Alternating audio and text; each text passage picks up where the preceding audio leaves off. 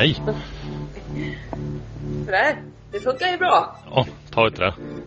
Man ska inte... Så. Jag vet inte, jag, har glömt bort min inloggning till Skype så därför använder jag... Ja. Det brukar, det brukar funka det, ja. Ja, det gör det.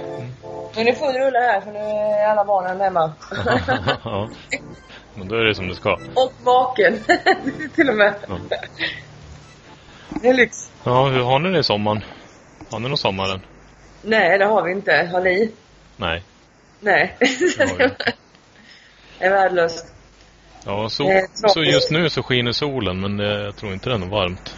Jag törs inte gå ut och känna efter. Alltså det blåser något uh, jättemycket, ser jag. Och eh, jag vet inte, inte så mycket sol heller, nej. Nej. nej.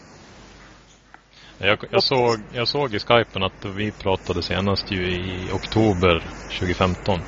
Ja, men se där, det var ett tag sedan då. Efter EM-guldet var det väl? Ja, ja. Så det har, Eh. det har ju hänt en massa saker. Eh, även fast du inte har hunnit tävla en massa. Nej, precis. det är ju eh, otroligt intressant att, att prata om alla, allting som har hänt ändå. Mm. Eh, hur, hur, hur, hur tittar du tillbaka på EM-guldet nu? Är det någonting som du funderar på någon gång så här ibland? Att ja, det hade det var kul. Ja, nej, men alltså det, det, det, det, är klart jag, det kommer jag ju ha kvar resten av livet. Det var ju en upplevelse och jag tyckte fortfarande att jag gjorde det väldigt bra i och med att jag körde två fulla Ironman och en halv liksom inom loppet av fyra veckor. Så att, eh, och den där gamla tanten liksom måste ju ha lite tid att återhämta sig nu för tiden. så, så, så det tycker jag. Jag tycker att jag tyckte om attityden och eh, hur jag eh, hur jag fullföljde loppet liksom. Mm. Jag hade, I was on a mission. Och jag gjorde vad jag skulle. Mm. Så, mm. Väldigt fokuserad är den sista anteckningen jag har. Där. Mm. Mm. Ska man ju vara. Ja. Så att, eh, man lär sig hela tiden. Och, men det var nog rätt, alltså jag var väldigt trött efter den, eh, hela den säsongen. Egentligen så skulle jag kunna sluta där men jag gjorde några tävlingar till. Mm. Eh, så jag var ju väldigt trött. Så det var rätt skönt att få ett uppehåll, det tyckte jag nog. Mm. Och då, ja, jag har letat lite grann i dina blogginlägg och sådär och på Facebook och, och någonstans så hittade jag ju, det står ju inte exakt så, men någonstans så står det att ni, ni kom på att ni ville prova att skaffa ett andra barn eh, och se om det fungerar. Och det, det fungerade på en gång. Var, Ja. ja.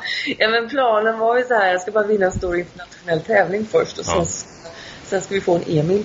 Så, så, så, så blev det. Mm. Så efter sista tävlingen så, så fick vi en, så såg vi till och nu ser vi till att få en Emil så fick vi det. Så det Det är familjeplanering på hög nivå. ja, ja, eller hur? De har varit stolta över oss så fina. Ja. Men sen att ni Nej. lyckades få en pojke, det var ju fantastiskt. Ja, men alltså Patrik har alltid sagt så här, när vi får en Kajsa och en Emil och så hade vi en Kajsa, ska vi bara ha en Emil också. Ja. Vad, hur... ehm, Och, det var ju... Det var väl kring, gissar jag, kring jul där i januari 2016 då som... Som det blev konstaterat att ni var gravida. Ja, men jag kände det. så. jag kände det tre dagar efter. Liksom, oh, Ja. den här känslan känner jag igen. Jag var ute och sprang och så var det mjölksyra i låren på det här sättet. Ja, men jag är gravid. så, så. att, eh, tre dagar senare så, så upptäckte jag det. Mm. Och så var det ju så.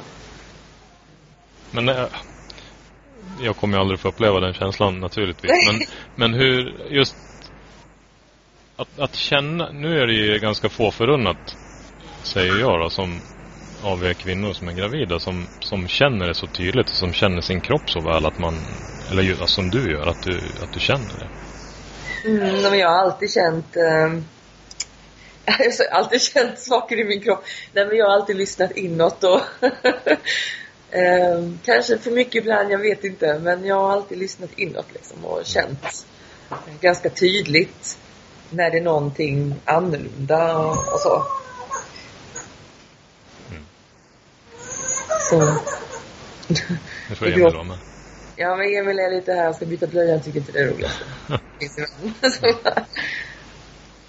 Ja, och hur...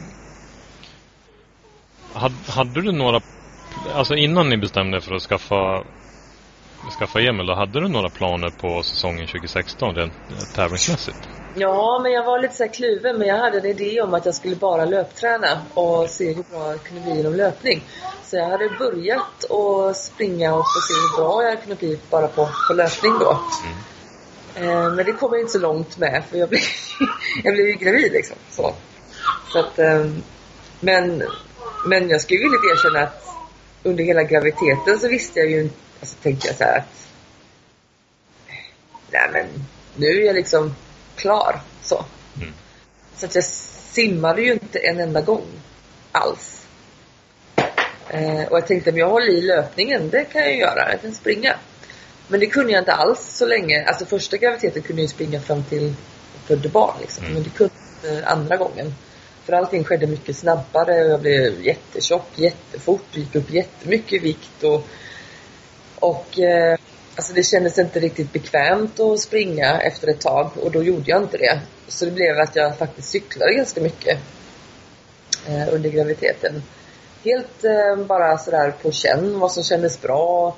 Eh, jag hade inte klocka på armen typ en enda gång utan jag bara, bara körde ut liksom och körde. Körde ganska mycket på gymmet i form av alltså spinning och sådär. Eh, och lite cross, crossträning på sån här ellipstrainer liksom. Ja. Uh, ja, så och det är ofta så, det var andra, första graviditeten också, att i början så är jag väldigt trött och mår inte sådär jättebra. mår lite illa. Så då tränar jag inte alls speciellt mycket. Och sen så när man blir jättetjock då kommer man in i den här braiga perioden och då är man ganska stor. Och så, ja, så då tränade jag det som jag kände kändes bra helt enkelt. Tog det så mycket. Och det, där såg jag ju, jag tycker du har skrivit bra bloggar om det där, just de här olika faserna när hormonerna har fått rusa klart och det är väl moderkakan som ska byggas först och sådär om jag fattar det rätt. Och just den perioden är ju upp och ner. Men sen, sen så kunde du ju träna på väldigt bra och ökade ju vattnummer och allting. va? Mm.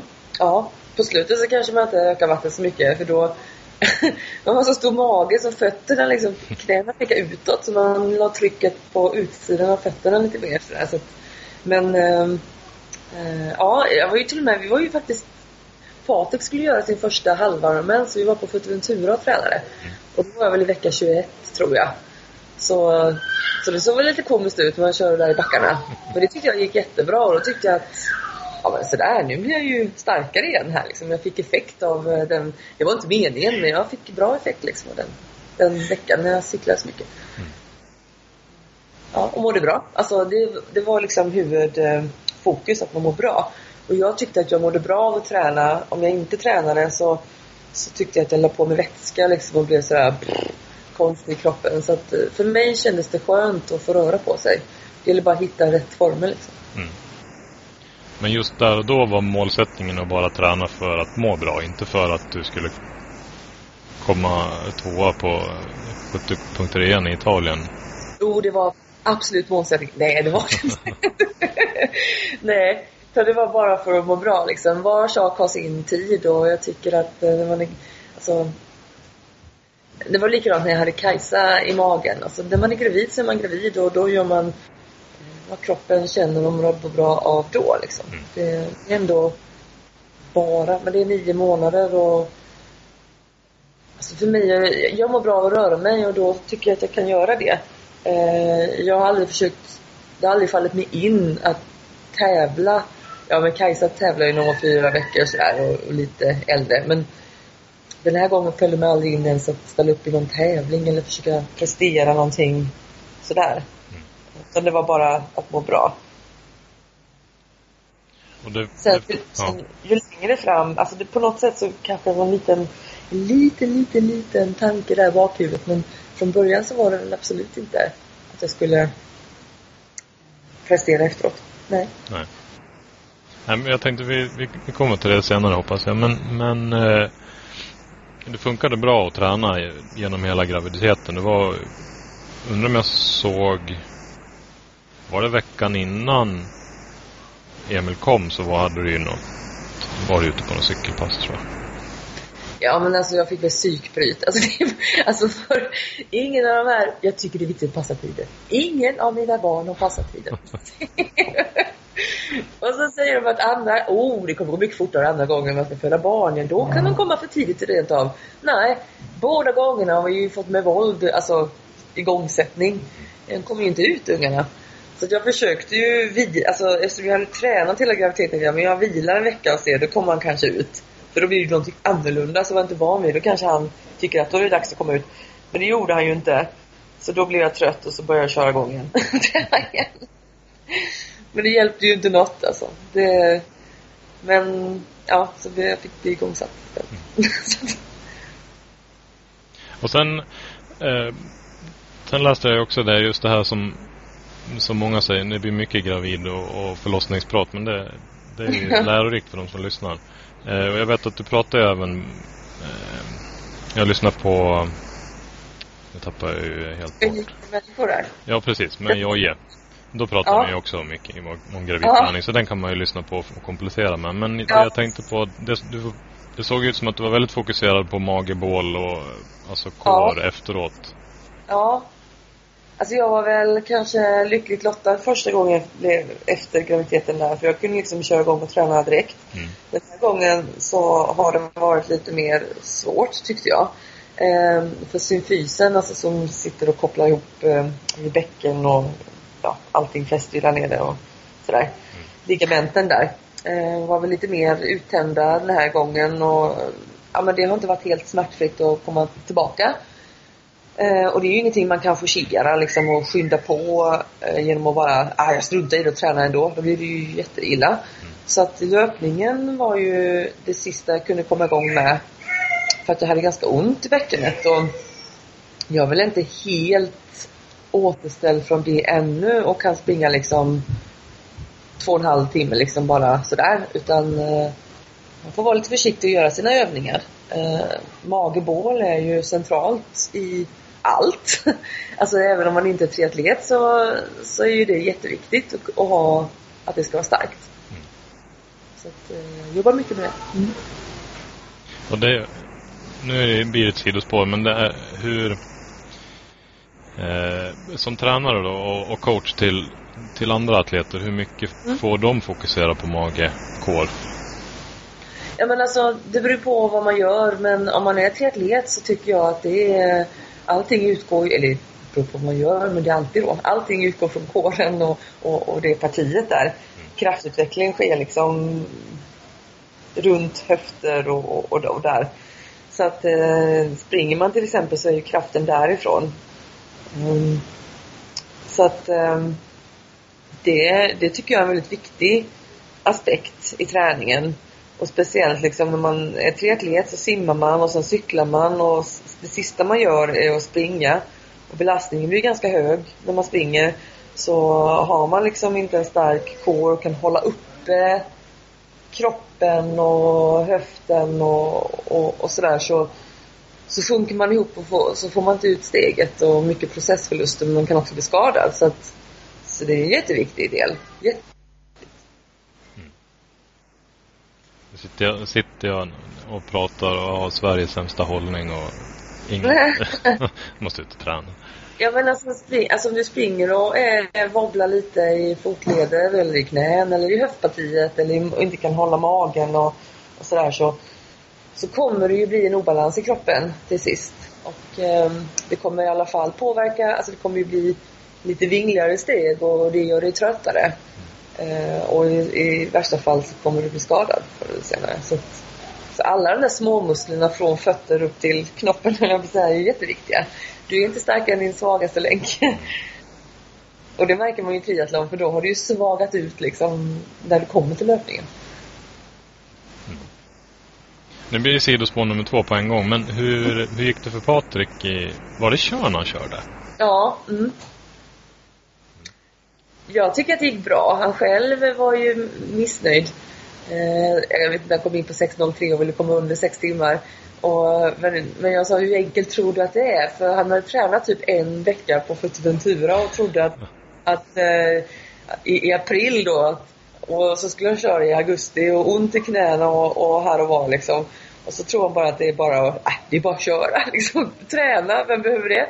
Så jag tyckte liksom att eh, hur lätt tror du att du är? Alltså vem tror du att du är som kan träna en vecka och sen så bara köra jättefort? Men då följde inte han något träningsprogram från dig då? Nej, det hade han inte.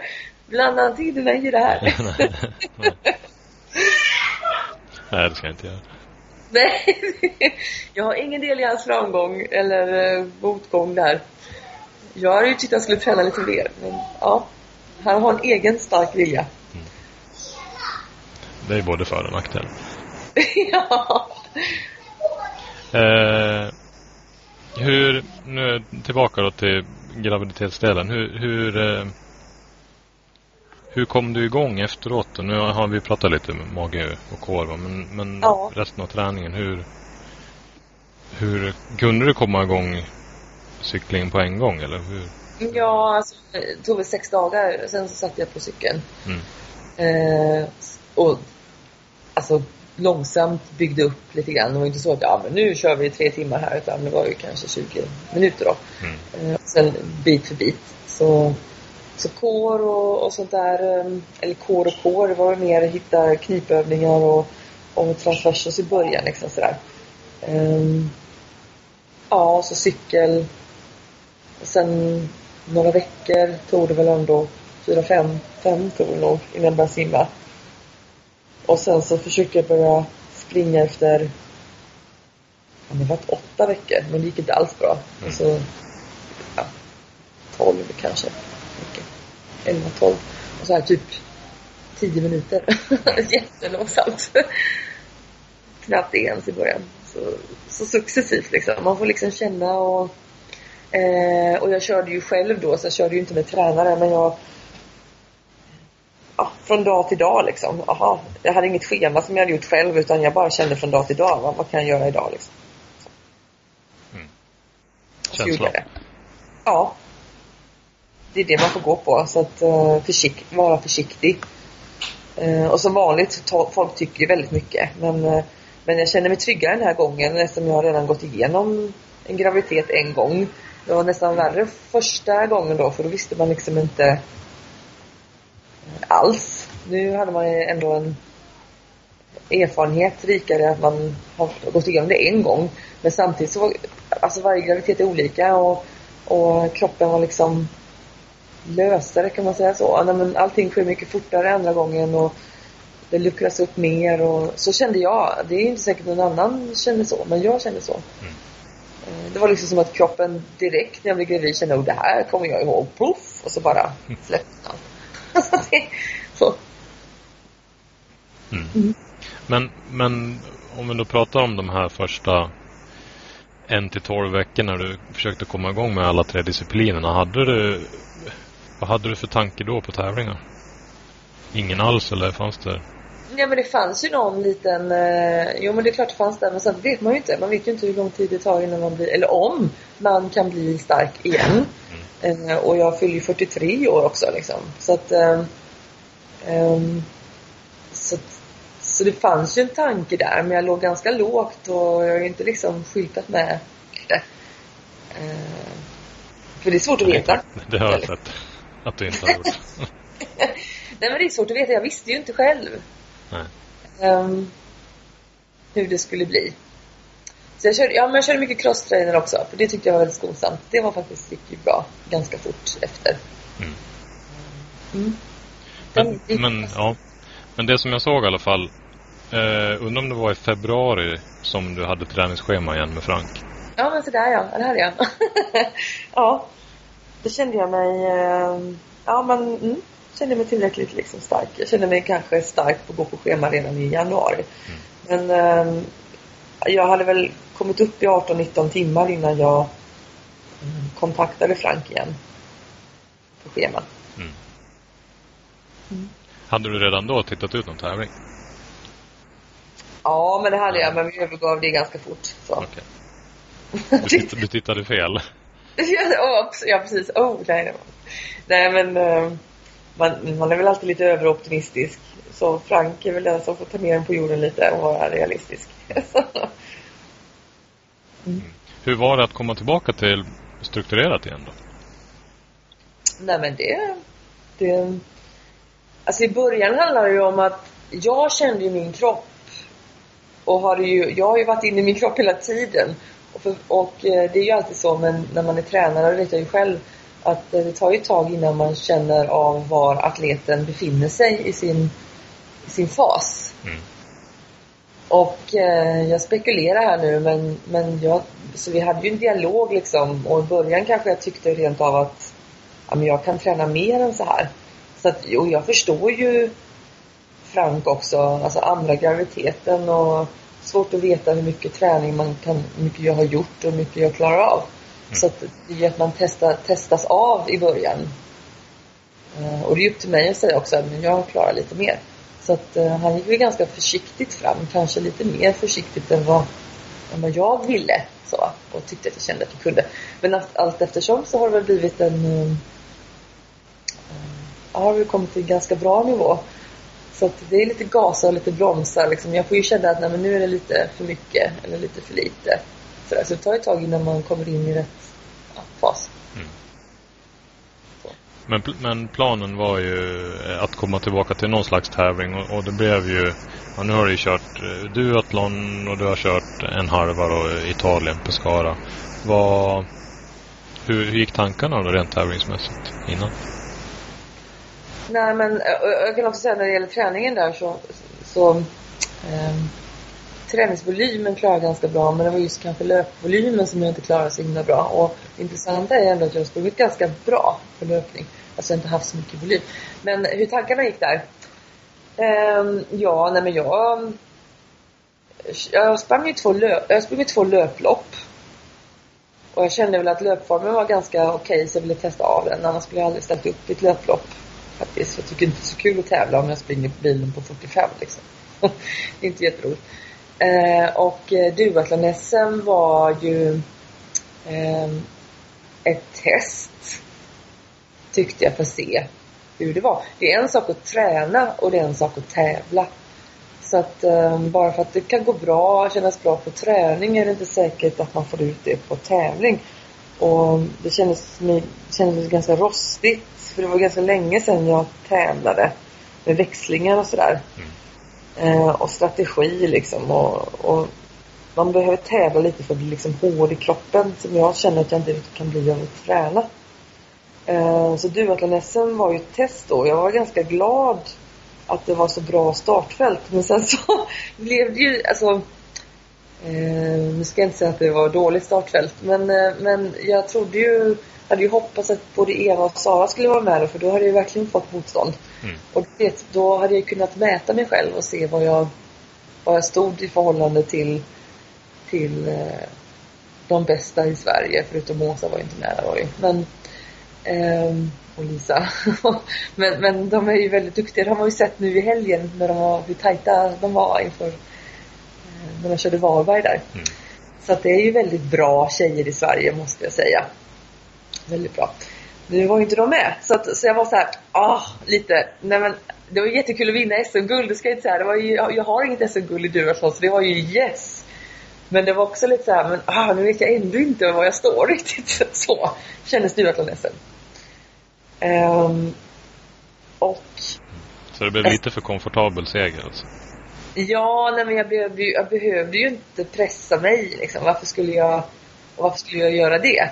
För om jag pressar mig till max, då måste jag vila längre och så kommer jag inte ut. Alltså jag behöver ju träna. Så att, eh, så att, eh, så nej det behövde jag inte. Utan det var ju ganska komfortabelt då. Mm. Eller komfortabelt kan man säga så. Det är ju, det är ju alltid jobbigt att, springa en mil, cykla fyra mil drygt och sen så springa en halv mil till liksom. Det, det är ju inte lätt. så. Um, men jag var väl inte helt nöjd med cyklingen, det kan jag väl säga. Jag hade ganska låga watt. Och sen så, jag har jättebra hjälm men på något sätt, vädret var så konstigt. Det blev något så här skifte i vädret. Från supersoligt varmt på morgonen. Så, så bara 25 grader, så bara boom till, jag vet inte vad det var, 12. Mitt under tävlingen. Så det blev en så konstig imma i min hjälm så jag såg ingenting. Så, ingenting! Så jag var tvungen att sitta upp och så här och bara, alltså jätte icke aerodynamiskt. Så det var ju inte så jättebra. Folk undrade sista vad jag höll på med. Vi trodde att du eh, vilade inför löpningen. Nej, jag såg ingenting. jag var tvungen att köra väldigt långsamt. Mm. Men du har en sån vis visirhjälm som, där det sitter ihop allting? Ja, precis. Jättemycket visir på den. Man ser inte vem det är som cyklar. när jag har den på mig. Och sen var det väl lite så här mental hang-up. För att det var fyra varv, fyrvarvsbana. Och eh, det är på den banan där jag fick min hjärnblödning, där jag eh, trillade. Mm. Eh, så att, eh, jag vet inte om det påverkar, men liksom något sådär, jag ser ingenting och här fick jag hjärnblödning en gång liksom. Så, så jag körde väl inte allt jag orkade just på den sträckan. Men om, om vi hoppar tillbaka några veckor. När bestämde du dig för att köra duathlon? Hade du gjort det redan innan du började med löploppen? Det var inte så långt emellan dem va? Ja men det hade väl funnits lite så här i och med att det var när det, när det bestämdes att duathlon skulle vara i Helsingborg. Mm. Så föddes ju en tanke att men det kan nog köra som träning. För det är ju, det är ju hemmaplan. Ja. Eh, men, men det visste vi liksom inte och ja, återigen en dialog liksom om jag har varit i superdålig form så är inte det så roligt liksom att komma liksom jättelångt efter. Då är det bättre att träna. Eh, men sen så var vi på Mallorca. Det måste ju varit veckan innan kanske till och med. Det var nog veckan innan kanske. Och, och, och tränade där med Frank. Och då ja, då kändes det väl ganska bra tyckte jag. Mm. Så, så då körde vi det som träning liksom. Inte som någon direkt uppladdning och toppning utan mer som träning. Och veckan efter körde vi ett millopp. Eller hur var det nu? Var det veckan innan jag körde millopp och sen så körde jag duathlon-SM och så körde jag ett lopp till. Jag, jag kommer inte ihåg. Men jag körde ju två lopp, löplopp där ganska tätt på. Mm före och efter jag. Mm. Och, och, reaktionerna efter de tre loppen, det var inget som blev trasigt eller allting höll ihop? Ja, så, det, så det var väl bra. Nej men jag var ganska, alltså jag körde ju springtime och det är ett lopp här i Helsingborg som är väldigt backigt. Så att eh, den banan är inte sådär superenkel och då körde jag den på 36, 30, 36 32 tror jag. Mm. Och min bästa tid på den banan är 36 och 12. Och det året så gjorde jag ju 35.07 på, lö på löpningen. Um, så att den banan är ungefär, jag skulle nog tippa en minut långsam. Så, så jag, och båda de två åren så sprang jag ett lopp som heter Änglamilen i Ängelholm. Och det gjorde jag detta året också, men då hade jag 10 eller 9 sekunder långsammare tid. Mm. Men då har de bytt bana där och det var, jag vet inte riktigt varför den blev så, att det är så dålig tid där. Men det var 27 grader varmt och många klagar på värme, men jag gillar ju värme. Så, men när man såg tiderna så sprang de flesta en, två minuter långsammare mot springtime. Så det kanske var värmen då. Eh, och jag sprang nio sekunder långsammare och slog flera av dem som, eh, som har slagit mig på springtime. Så att, ja, det var väl kanske... Jag var lite besviken, men eh, det var väl kanske bra mm. tid. Så att jag visste väl att jag var i ganska bra löp, löpform. Men sen ska man kunna springa i en triathlon också och det är ju lite annat. Mm. Men det tycker jag att jag har visat i duathlon-SM så det var väl ganska det var väl ganska okej, okay, men man vet ju aldrig. När man inte har tävlat så mycket så vet man inte hur, hur man ska pacea sig själv på cykel och hur hårt kan jag köra och, och cyklingen har väl varit en, alltså det har varit lite, har inte riktigt varit så starkt där. Tycker jag. Mm. Men är det såklart relaterat till hur du har känt förr genom åren på cykeln? Mm. För, min, för min nästa fråga var ju hur, hur, har du, hur har du kommit igång med simningen igen då? Mm. Nej men jag har ju fått simma då ju. det, var jätte... det har ju varit jättejobbigt när man inte har simmat på typ ett år någonting och så hoppa in i simbassängen igen. Så, men, eh, så jag har ju simmat och eh, märktes ju inte det då i Pescara. Jag har inte simmat open water och det kanske Men, eh, men jag har faktiskt simmat bättre i pool än vad jag någonsin har gjort. Så, ja. Hur kommer det sig? Mm, alltså jag har ju simmat en del. men det gjorde jag förut också. Eh, nej men jag vet inte. Kanske ändrat attityd lite. Mm. Så, ja. Alltså jag kanske inte... Jag kanske haft en mer avslappnad eh, hållning till det här årets triathlon-tävlingar. Eh, mitt mål har alltid varit att vinna en stor internationell tävling och det har jag alltid gjort. Eller det gjorde jag ju innan jag la, eller innan jag la av, innan jag blev gravid. Så, så jag tycker kanske inte att jag har så mycket att bevisa utan jag gör det för att, det gör man väl alltid för att det är kul. Men eh, ja. Jag har ingenting att bevisa. Nej. Men det är inga sådana revolutionerande saker som du har gjort med simningen för att den ska gå bättre än någonsin? Då. Nej. Bara tid i, bassängen? Ja, ja. Någon slags omstart kanske. Nej men ehm, eh, attityden till simträningen kanske då. Mm. Och det var väl det, alltså vi prat, alltså jag pratade rätt mycket med min tränare om varför vill du göra det här liksom? när man är tvåbarnsmamma och inte har tid och kan spendera eh, tiden med, med, familjen istället. Så, så sa, jag sa att det är några saker som, jag är jättenöjd med det jag åstadkommit. Men det är några saker som jag vill testa. Eh, några saker som jag vill kanske göra annorlunda. Eh, och sen vad resultaten blir av det, det vet jag ju inte. Men jag vill bara jag vill bara känna hur det känns att göra det, de sakerna annorlunda. Mm. Eh, och, och, det handlar också om min, min roll som tränare. Jag har lite idéer och det bästa sättet att testa de idéerna är att testa på sig själv och känna hur det, hur det känns. Eh, så att jag tror också att det gör mig till en bättre tränare. Och det är ju det jag vill, jag, alltså, det är det som jag säga. Jag kör den här säsongen för att bli en bättre tränare. Det låter konstigt. Men, eh, men det är faktiskt lite så. Men då, de här sakerna som du ska prova annorlunda, är det någonting som du tänker avslöja eller får vi ta det Nej. Nej. det, är min, alltså det blir ju min yrkeshemlighet. Ja. Som, som inte... Jag suger på den karamellen. Ja, man får anlita mig som tränare. Så, ska man ta del av allt. eh, inför Pescara då, hur, varför blev det just där? Nej men det är ju en eh, avvägning för eh, en bana som kan passa mig och, och lite så här. Och hur enkelt det är att ta sig dit och eh, bo och så. Så att eh, så det, ja, det handlar om yttre och inre förhållanden. Så att man, man gör alltid en avvägning, tycker jag, när man tävlar. Kan den här banan passa mig? Och eh, det är ju en ganska stor chans att det blir varmt där. Så, och det brukar passa mig, även om den här sommaren inte var så varm. Så, så det, jag fick göra lite förberedelser hemma för det där. Eh, och sen så mm, banan var ju ganska... Mm, jag vill ha en ganska backig bana. Så.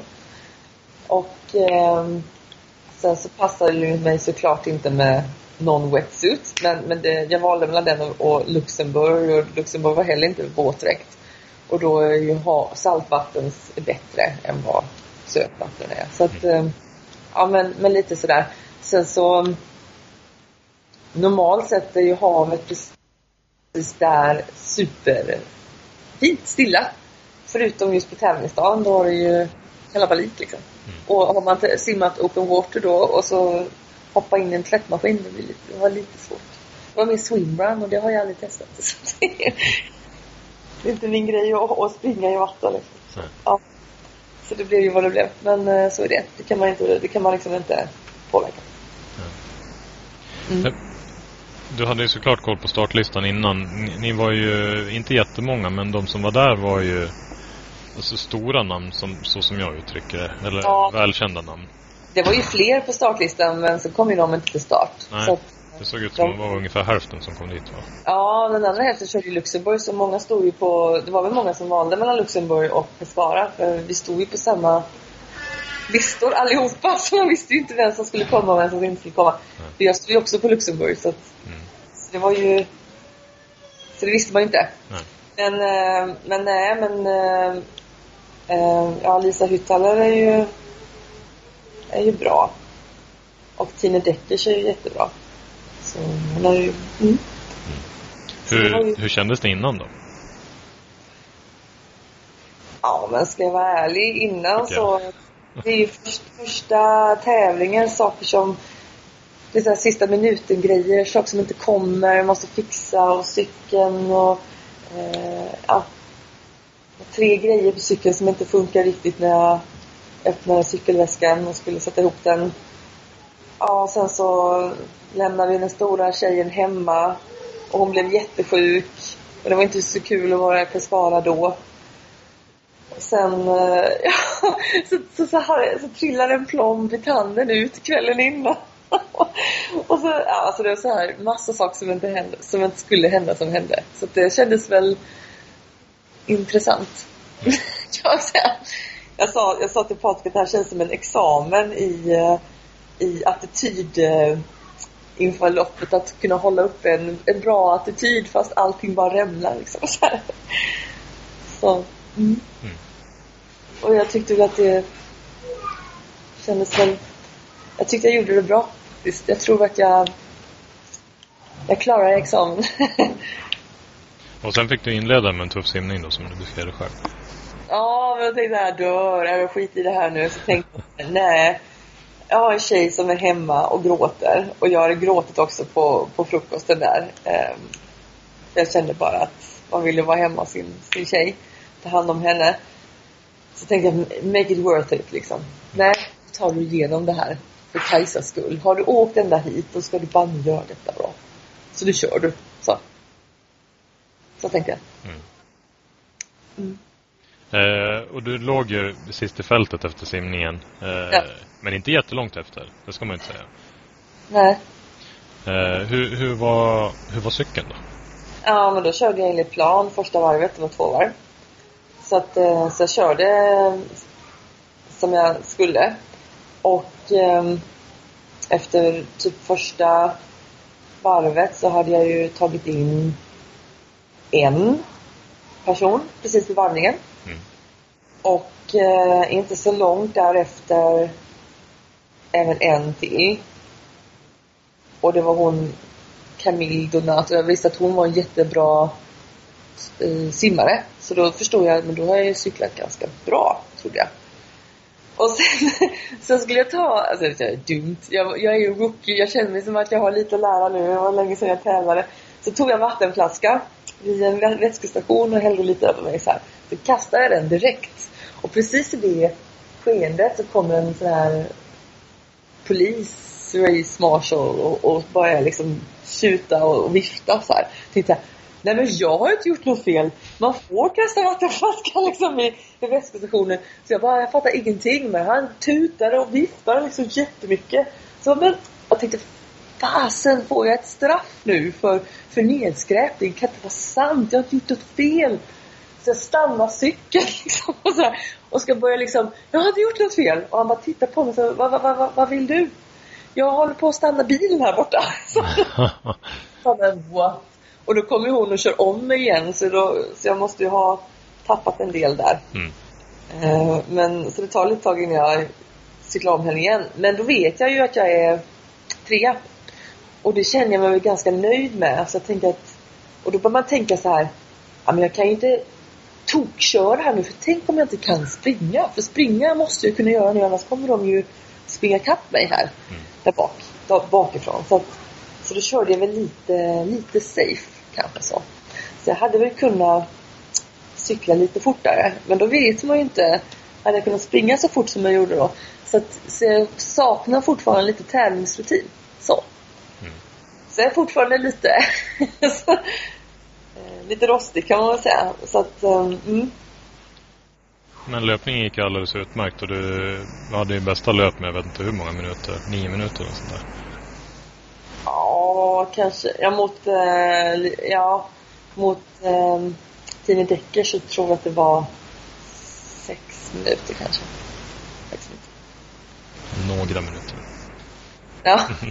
mm. Nej, men det var... Jag visste att jag låg då fyra minuter efter Tine. och åtta och en halv tror jag efter, efter eh, Nista där. Så, så tänkte jag att det finns inte en chans i hela världen liksom. Men fyra minuter kände jag när jag kom ut där att men det, det är faktiskt möjligt. Jag visste inte riktigt hur fort Tine kunde springa men, men jag tänkte att fyra minuter, ja, men om jag kapar liksom två minuter per varv.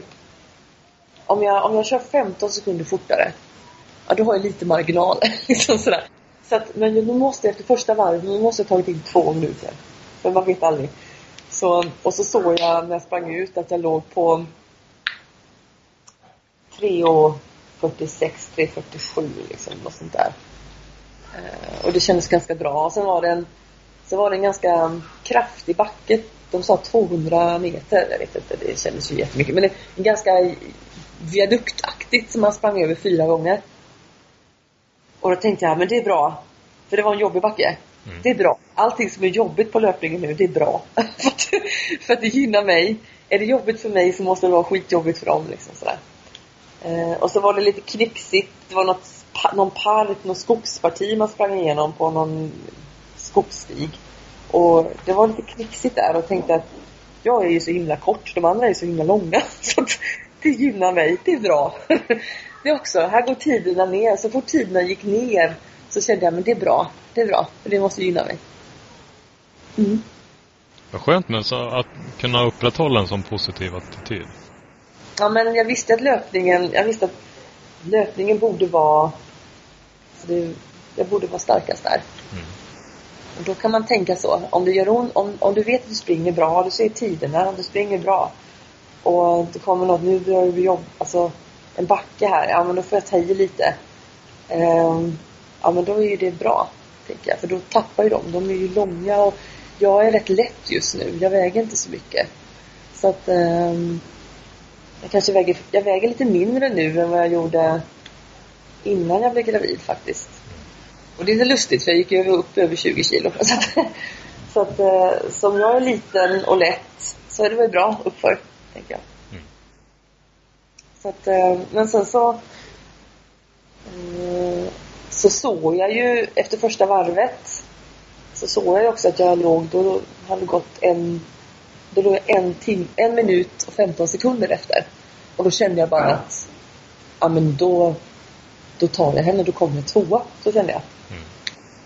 Mm. Um, och sen så var det väl egentligen precis innan den där backen så hörde jag någon skrika 30 seconds och jag fattade inte. För vad, vad, är det till mig eller till vad då? Eller till någon, han som springer bredvid mig? För det roliga var, jag vet inte vem det var men rätt, börj, rätt, rätt snart så sprang jag ikapp en, en kille. Jag tror han körde relay eller så här. Och sen så blev jag, eller alltså, jag blev inte av med honom. så, så vi, eh, vi följdes liksom åt nästan hela loppet. Och inför varje vätskestation var det liksom här, ja men nu får jag kassera mig så han inte snor min vattenflaska här liksom sådär. Så att han inte är i vägen. Men han var där typ hela tiden. Och det var kanske egentligen rätt, rätt bra för vi pejsade nog varandra eh, rätt bra. Jag vet inte vem som hade mest nytta av vem riktigt men men när, den här, när den här mannen skrev 30 seconds så visste jag inte, då var jag tvungen att fråga, var det till dig? Eller var det till mig? liksom sådär. Jag hade ingen aning. Och då sa han så här, men ser du inte henne? Hon är ju där. Och, och då pekade jag på Lisa då. Så att, ehm, och det han som hade skrikit 30 seconds, det var tydligen Tidedäckets pappa. Så, att, mm. så det var ju jävligt schysst. Så bara, ta henne nu då. Sådär. Så att, ehm, ja, så att eh, jag fick ju, tänkte så här, vad fan. Ja, du får väl ta henne också då. Så, att, så sprang jag på. Och så sprang jag ikapp henne när det var kanske en kilometer kvar. Mm. Eh, och då tänkte jag ju att, ja men alltså jag vinner. Jag vinner det här. Eh, shit, jag kommer, och det var liksom sån här, det, det, hade jag inte trott i min vildaste fantasi att jag skulle ta henne. Eh, och så har jag ledarcyklisten och tittar bak och jag ser ingen liksom. Jag ser henne inte. Och jag frågade, tror jag, ledarcyklisten, vad, ser du henne? Bara, nej jag ser henne inte. Och så, så är det ett ställe då där man varvar. Och eller går in i mål. Och då är det typ så här 100 meter till den här mattan. Och på den här mattan. Och när vi viker in där så helt plötsligt så är hon där framför mig. Framför mig! Jag bara, hur gick det till? Då har liksom spurtat förbi mig. Och innan jag liksom hinner fatta det så Ja, då är det 100 meter kvar och någon bra 100 meter spurt har jag aldrig varit. Inte ens när jag springer löplopp. Så jag bara, han, han liksom inte svara. Jag tänkte bara, jag, och så sprang hon förbi mig in i mål. Jag var så jävla förbannad. Jag var så jävla förbannad när jag kom in i mål. Mm. Så har hon på något sätt smugit ikapp dig igen? Ja, men jag vet inte. Hon har så jag har... Jag vet inte, hon kanske... Hon kanske låg och vilade och fick kanske rapporter om att jag kom och då låg hon där och sparade kraft. I don't know. Um, och jag har ju legat och forcerat hela tiden. Så, så hon kanske har sparat till en spurt liksom. Sma, alltså, mm. så, så jag kanske är dum och skulle ha legat bakom henne och vilat lite. Och sen försökt spurta om. Um, jag vet inte om det hade gjort någon skillnad men um, hon slog mig i alla fall. Och min första tanke där kommer vara att ta min keps och bara kasta den i marken nej jag ska inte göra det, jag måste vara lite civiliserad liksom. Och så. Ehm, jag kom ju ändå tvåa och det var ju mer än vad jag egentligen kanske trodde. Jag trodde inte jag skulle slå Tina Deckers heller så. Men lite besviken? Lite? Jag var jättebesviken. Okay. Mm. jättebesviken var jag. Mm. Tre sekunder. Jag var, jag var gladare om jag hade förlorat med tre minuter. Ja, tre sekunder är ingenting. Nej, och sen... Ja, alltså ska jag vara ärlig så här är jag hellre bli slagen av Tine Deckers än, äh, än Lisa. Ja, det, det vet ju säkert inte alla som lyssnar, men hon har ju en dopinghistoria bakom sig. Om jag minns det rätt så var väl hon proffscyklist då? Och åkte dit på den touren. Jaha, ja, det vet jag inte. Var det så? Ja. Mm, för att hon... Jag kan minnas fel. Mm. Eh, och sen att hon kom in på, på triathlon-karriären. Mm. Men eh, ja, jag kan, jag kan minnas fel också. Mm, ja, det är. Eh, och då är en fråga som man kan ställa när man är låtsasjournalist det är ju det är med medicinskt och vetenskapligt bevisat att även fast man har slutat dopa sig så sitter effekten i. Mm. Och jag, jag, är ganska övertygad om att din, din personliga åsikt om doping är att det ska vara livstidsavstängning. Men hur, hur är, vad är din personliga inställning? Alltså, det är ju jättesvårt. Men alltså, folk kan ju göra misstag. Och, och alltså, jag är lite kluven så här. Och visst kan man göra misstag. Eh, och, alltså, misstagsdoping är en sak. Men EPO är liksom inte misstag. Det är ju medvetet val mm. att ha EPO. Sen om du liksom eh, astmaspray eller liksom som du råkar ta som inte var eller eller till exempel som 2015 när jag fick min resistenta bakterie och blev så här sjuk och blev inte av med skräpet och, och sen, ja men du måste ta betapren för dina lungor är helt kass. Och betapren står ju på dopinglistan och jag, jag väntade ju en vecka innan jag fick svar från förbundet liksom, kan jag ta detta eller inte? Eh, och, de, och sen visade det sig att det var ju okej, okay, men du får bara inte tävla med det i kroppen. Alltså sådana här saker är ju... Så det är svårt när det är i gränslandet liksom. Men, men när det gäller EPO så är ju... Det är ju inte i gränslandet riktigt. Nej, det är väldigt så. långt ifrån. Ja, äh, men jag, mm, jag tycker det är ju trist, får jag säga. Mm.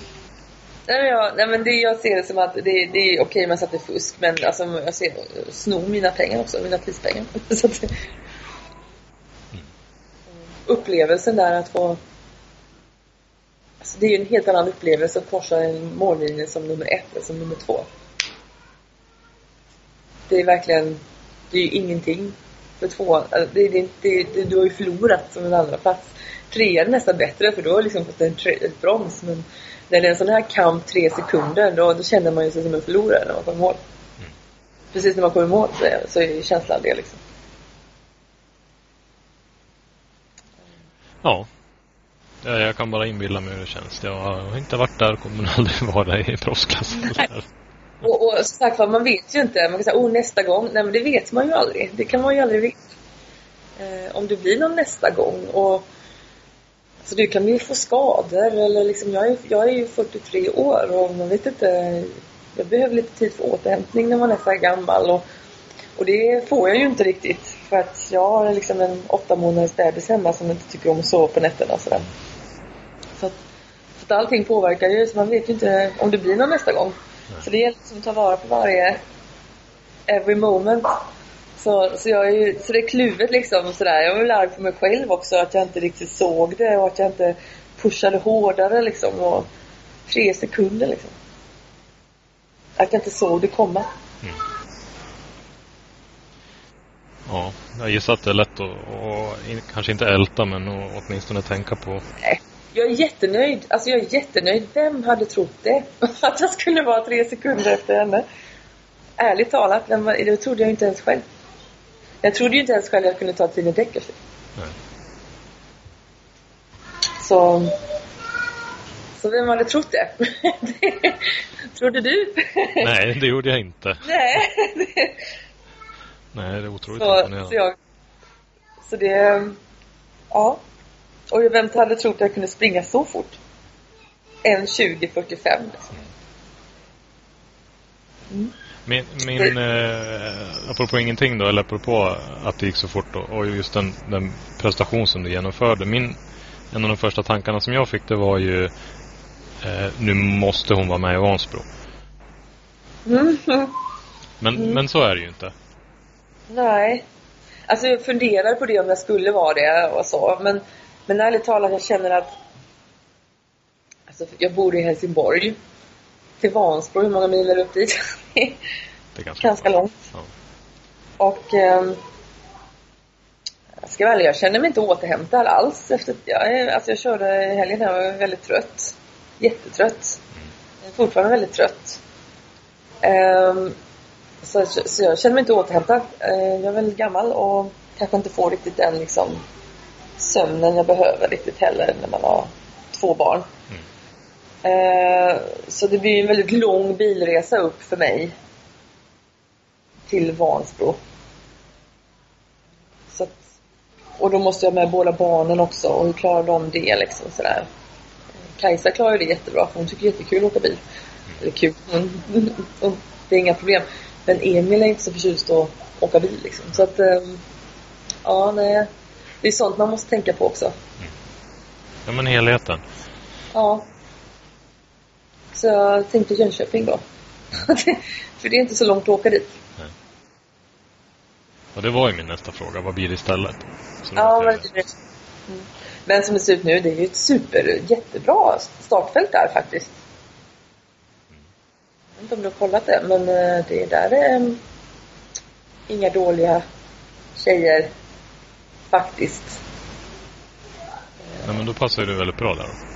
Ja, då får man ju se hur det ligger till. Jag ska bara försöka hinna återhämta mig till det. Som jag all cred till Camilla Pidesen står ju på listan där och hur mycket race har inte hon kört nu? Och ändå presterar så bra i varje lopp så att det är fantastiskt.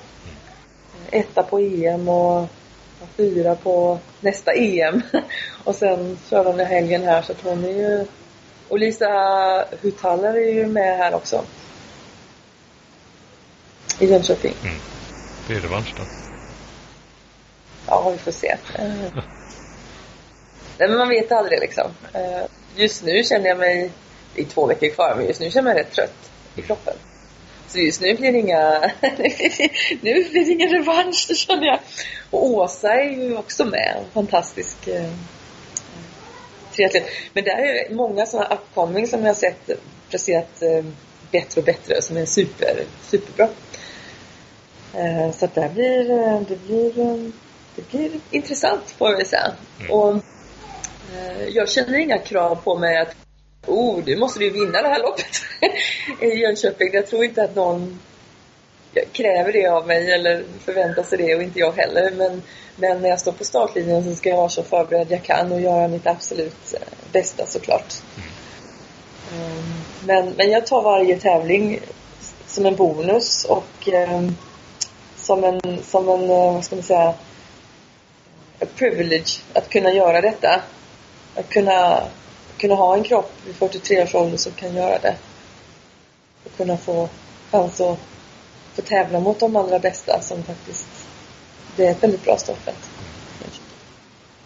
Har du, har du någon gång tänkt just kring Jönköping att om, om du inte får tillbaka den här goa känslan, den, den icke-trötta känslan att du skippar Jönköping och tar något annat ställe?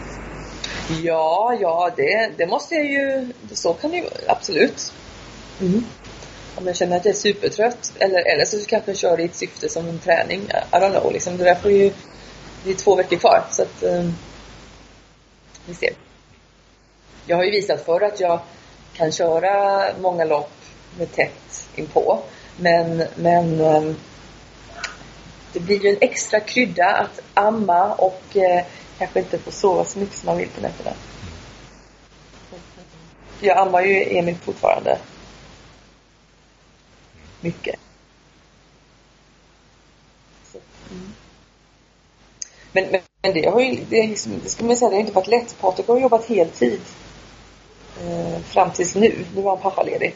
Men fram tills nu har han jobbat heltid så att så det har varit liksom att få in träningen. Det har varit supertidiga morgnar och sena kvällar och lite söndag emellan. Så det har ju varit en, en utmaning också att få in träningen. För Emil är inte något sovande bebis. Så han tycker inte om att sova så mycket. Nej, det har jag sett inlägg på. ja. ja, jag trodde man skulle få en av varje. Det, mm, han sover ännu mindre och är ännu mer livlig liksom och helt tokig. Mm. Men jag älskar ju honom såklart. Men det hade varit trevligt om man kunde sova lite mer. Han är snart tonåring. Då sover du mycket som helst. Ja, snart tonåring. en bit kvar. Eh, har, har du sneglat i kalendern någonting ännu längre bort än Jönköping? Ja, jag har lite alternativ och förslag. Men, men det är ingenting helt bestämt än Nej. vad det ska bli. Men um, jag tar det lite som det, som det kommer. Lite ad hoc sådär. Men jag har ju klart att jag har eh, efter Jönköping får jag väl kanske börja träna. Eller börja träna. träna. Att passa på att träna när Patrik är hemma. För han kommer inte vara pappaledig så länge. Mm. tyvärr, för att han har ett jobb han måste gå tillbaka till. Eh, som inte kanske man kan inte vara pappaledig så länge i alla fall. Så, men, men jag har ett alternativ på hela, jag vill ju köra ett par fulla Ironman såklart. Mm. Ett alternativ kan vara Köpenhamn. Ehm, ett annat alternativ är liksom lite senare, i september, oktober då. Klämt upp mig lite. Så att när folk racear kanske nu så kanske jag behöver träna liksom. Mm. På sommaren det är en av de saker som jag har skrivit i mina anteckningar. Det är ju ett hus långdistans-EM såklart. Det var väl Al Almere tror jag. Ah, ja, den har jag inte ens tänkt på. Ja, när går den? Den uh, var det första här i september, typ. Ja. Jag vet inte, för jag har inte haft så mycket kontakt med förbundet angående liksom. Man måste väl gå via förbundet där va? Ja. Ja. Så, så det liksom ligger lite utanför min kontroll då känner jag. Alltså det är, det, jag måste ju ha ett godkännande där. Från. Ja, det är ju förbundet som anmäler sig, ja. Ja, så att, eh, så att, så att jag väljer väl inte lägga för mycket fokus då. Um, så att jag... Det finns ju en risk att man liksom, om jag lägger, ja ah, den vill jag köra. Så, så kanske förbundet tycker att det, det är inte lämpligt. Då jag, jag vill inte lägga för mycket energi som kan som kan skada mig liksom. Alltså att jag skulle bli besviken sådär. Ja. Jag vet inte om jag uttrycker mig klart men jag, jag försöker fokusera på det jag, det jag kan kontrollera. Mm. Och då Köpenhamn verkar vara ett jättebra alternativ. Ja men det kan ju Ganska vara. nära och... Ja. Mm. Mm. Så att eh, så man får liksom se lite banprofilen kanske inte passar mig superbra. Kanske jag vill ha lite mer backecykling. Ehm, men ehm, man, man får, jag får liksom tänka lite vanprofil, ja, lite backigt hade varit bra. Kanske faktiskt rent av en backelöpning eh, hade faktiskt kanske gynnat mig. Eh, lite sådär, så lätt simning som möjligt. Alltså, helst med våtdräkt. Och det är ju, det är ju lite såhär i och med att det är 21,9 graders regel som gäller så, så är det ju inte, ja, det är många race utan våtdräkt. Annars hade jag, jag anmält till Österrike men det kommer nog inte bli, det kommer inte bli den. Um, dels ligger det lite nära men, men det kommer också vara utan våtdräkt. Frankfurt hade ju passat mig annars jättebra men det kommer också bli utan våtdräkt. Så jag får ju liksom tänka, tänka lite taktiskt. Mm. Ja, man ska ju spela, eller spela var väl kanske fel ord. Man ska ju nyttja sina styrkor och svagheter. Ja, sen tycker jag faktiskt 22 grader tycker jag är rätt kallt att simma hela armen utan våtdräkt på. Jag är lite sådär, jag gillar ju värme så att jag tycker ju det är skönt när det är varmt. så, så jag tycker att det är kallt i vattnet då. Ja, men oavsett, ja, oavsett hur länge eller hur snabbt man simmar, det är ju svårt att ligga i mindre än 45-50 minuter. Så har man ju fortfarande simmat supersnabbt. Ja. Det är 50 minuter i 22 grader. Det är rätt länge. Tycker jag. En del tycker ju inte det. De tycker det är helt okej. Men jag tycker det är... Jag kan ju simma våtdräkt i pool liksom, utan att tycka att det är varmt. så det... Och det kan jag säga, vi hade väl kanske i Pescara runt 30, kanske, jag vet inte vad temperaturen var riktigt, det var ingenting som jag tänkte på. Och då, temperaturen där var heller ingenting jag tänkte på, jag tyckte inte att det var något problem. Liksom. Så att jag, jag tar gärna värme.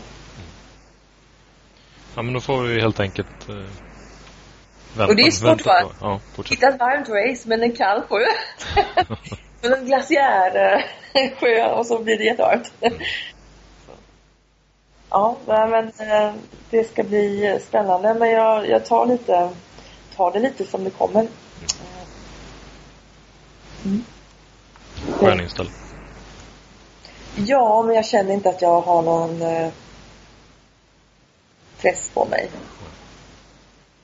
Jag tror inte, alltså oftast är det ju så här, pressen har man ju oftast på sig själv. För det är oftast ingen annan som, det är inte så många andra som, som bryr sig om en och förväntar sig så mycket av, av en egentligen. Utan man bara tror att alla andra har väldigt förväntningar på en och, och, och sådär.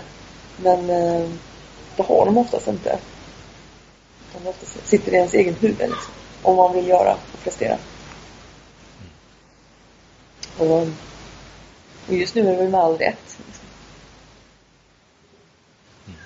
jag ska ju vara jätteglad över det resultatet på Pescara. Så att, eh, mm, jag njuter av det. Och det, eh, en annan sak som du verkar njuta av, åtminstone om jag tycker man kan läsa det mellan raderna, det är ju just framgångarna som, som dina idrottare har, de som, de som du tränar åt. Och främst av dem är, det är väl Cecilia Jessen som verkar ju chefar på exterra tävlingarna nu för tiden och har varit otroligt långt fram i provklassen ju. Hur, hur, eh, har du några platser kvar? Alltid intressant att veta. Nej, det har jag inte just nu. Nej. Eh, och jag har en del på väntelista också. Mm. Eh, för det är ju alltid så, det händer ju alltid så det kan alltid förändras. Så det kan inte komma in någon sådär. För att någon får ändrade planer i livet eller kanske uppnått sitt mål och så.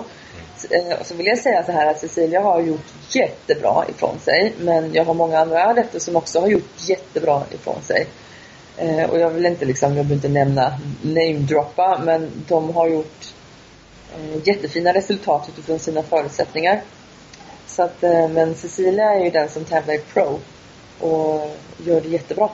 Alltså, hon är väldigt systematisk och gör precis som man säger och, och metodisk.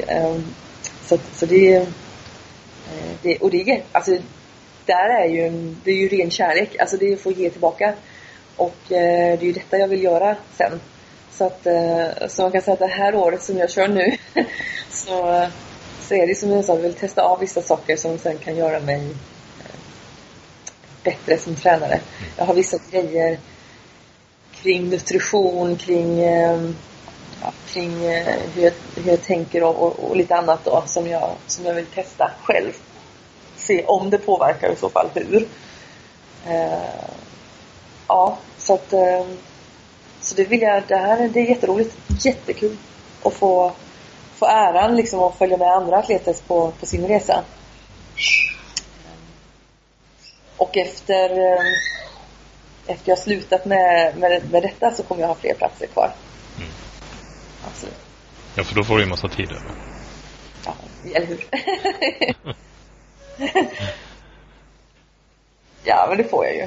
Jag kommer ju alltid träna, men, men för att det är liksom det är en del av min livsstil och, och mig som individ. Men, men jag kommer ju inte alltid tävla.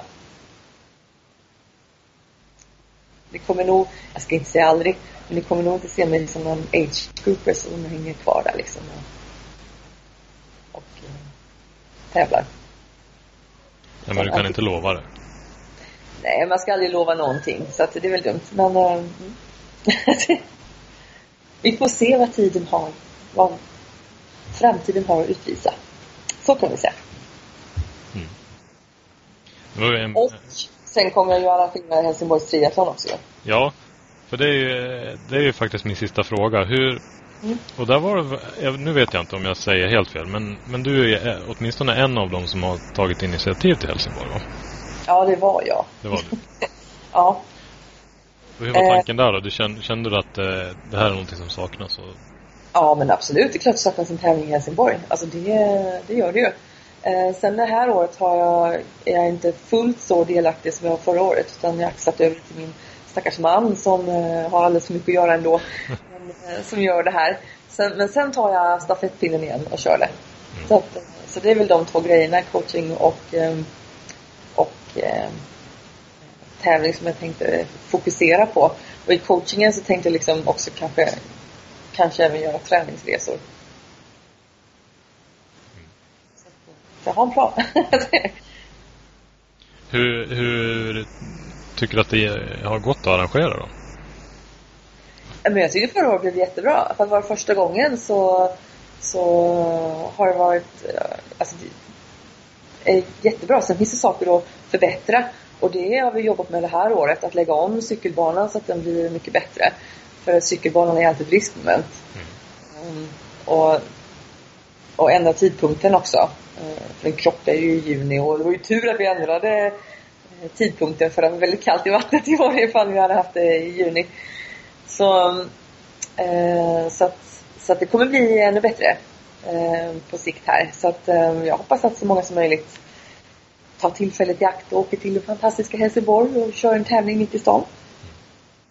Och ni, det läser jag också att ni har haft kommunen med er. Var, hur, hur eh, började det samarbetet? Gick, gick du in och frågade liksom?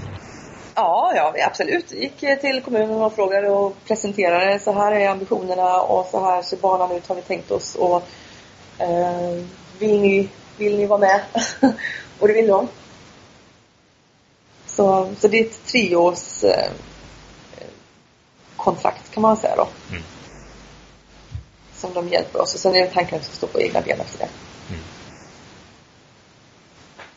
Men de har hjälpt oss på andra sätt också. Alltså med bansträckning och, och eh, se till liksom att det går att genomföra det. Men, mm. Ja, precis. I år är det fyra mils bana. Så det är ett varv, fyra mil, istället för tvåvarvsbana. För att förra året så blev det ju det blev en kritisk vändning och man möter varandra mer liksom. Är det tvåvarvsbana så blir det ju mer folk som rullerar på det blir svårare att hålla sär liksom. Mm. Så det kommer bli bättre eh, i år på cyklingen. Och det är, ju, det är ju precis tvärt emot svenska, nu tänkte jag säga svenska cupen, men danska, danska Invest. Där man vill ha 6 till 8 varv för att man ska komma tillbaka och vara synlig hela tiden i växlingsområdet. Ja, men förra gången var man inte synlig i växelområdet ändå. Vi hade den punkten på ett annat ställe. Mm. Och Ja, om man vill göra det sen så, så kan man göra kanske banan annorlunda. Men som den ser ut förra året jämfört med, med hur den kommer se ut i år så är det bättre tycker jag rent säkerhetsmässigt. Och fyra mil, ja men du är borta en knappt en timme liksom. Och löpbanan kommer ju vara på Gröningen fyra, alltså strandpromenaden där. Så då kommer du se folk hela tiden. Så där kan du se dem hela tiden. Och simningen också. Så att eh, jag tycker ur, ur atleternas eh, säkerhet och upplevelse så blir det bättre så här. Och det är ju non-drafting här också. Mm. fyrvarvsbana och ha någon drafting, det är ju jättesvårt. Det är ju om du har en drafting-race, då kan du ha fyrvarvsbana. Liksom. Och sen satsar vi, vi satsar på en upplevelse med kvaliteten. Liksom. Vi har eh, sportnutrition som är ekologisk. Vi har bjuder liksom det, vi, vi körde ekologiska jag tycker ju kost är viktigt så att vi kommer bjuda på liksom de bästa grejerna, kvalitetsgrejer. Mm. ja, det är häftigt. Det behövs, alltså tittar man i tävlingskalendern så är det ju fullchokat. men det behövs ju fler tävlingar för att man ska få fler alternativ och för att alla tävlande ska få plats i hela Sverige. Ja, men jag tror kanske att eh, marknaden är lite mättad. Vi har mycket tävlingar och det är swimrun också. Och det är cykellopp och det är löplopp och det är allt möjligt och det är hinderlopp. Och, så jag tror nästan egentligen att det är eh, lite för mycket lopp att några kommer slås ut. Så därför gäller det att göra loppen eh, Eh, bra och erbjuda något speciellt. Och det tycker jag att vi gör. Så att kom till Helsingborg och få en speciell upplevelse. Eh, jag, tycker att det ska vara en upplevelse och inte bara liksom ett, ett, ett lopp med koppvatten i mål och en banan liksom, utan en helhetsupplevelse. För hela familjen så. Och det tänker vi erbjuda. Och mitt i stan och lättillgängligt och, och sådär. Hur, hur ser det ut med anmälningar i år? Hur många platser har ni kvar? Jag har inte riktigt eh, jättekoll på det men eh, runt hundratal kanske. Ett hundra, men om man, om man lär sig från förra året så, så sker ju anmälningarna väldigt sent. Jaha. Och, vet inte, och det, så fungerar jag själv. Jag vet ju inte liksom, ska jag köra Jönköping egentligen två veckor kvar. Så att, eh, eh, och det är ju inte bra för en tävlingsarrangör. Vi vill ju gärna att man ska anmäla sig tidigt så att man kan planera. Och det verkar som att triatleter, just det här att betala tidigt och, och få rabatt, det, det struntar triatleterna i. Ja, de struntar de, de väntar hellre på väderprognosen och betalar mer. Ja, men de struntar i det. Blir det fint väder och, och ja, så anmäler de sig. Och det märkte man ju förra året liksom att typ två dagar innan så ringer folk bara, kan jag få vara med, kan jag få vara med? Om man jobbar häcken och så försöker verkligen få med dem där. Så, ja, snälla anmäl i tid så att vi kan, kan få en plats. För förra året så fick vi tacka nej till folk liksom det, det, risken finns att, att det inte finns platser kvar. Mm. Ja. Så det gör vi gärna reklam för. Mm. Ja, det kommer bli superbra. Det kommer bli bra. Jättebra. Och vi, alltså, vi hade ju faktiskt riktigt... Vi hade inte prispengar förra året. Men vi hade väldigt bra priser. Väldigt bra priser. Mm. Så, mm. Så den tar jag över nästa år och utvecklar ännu mer. Eh, för då har vi mer tid.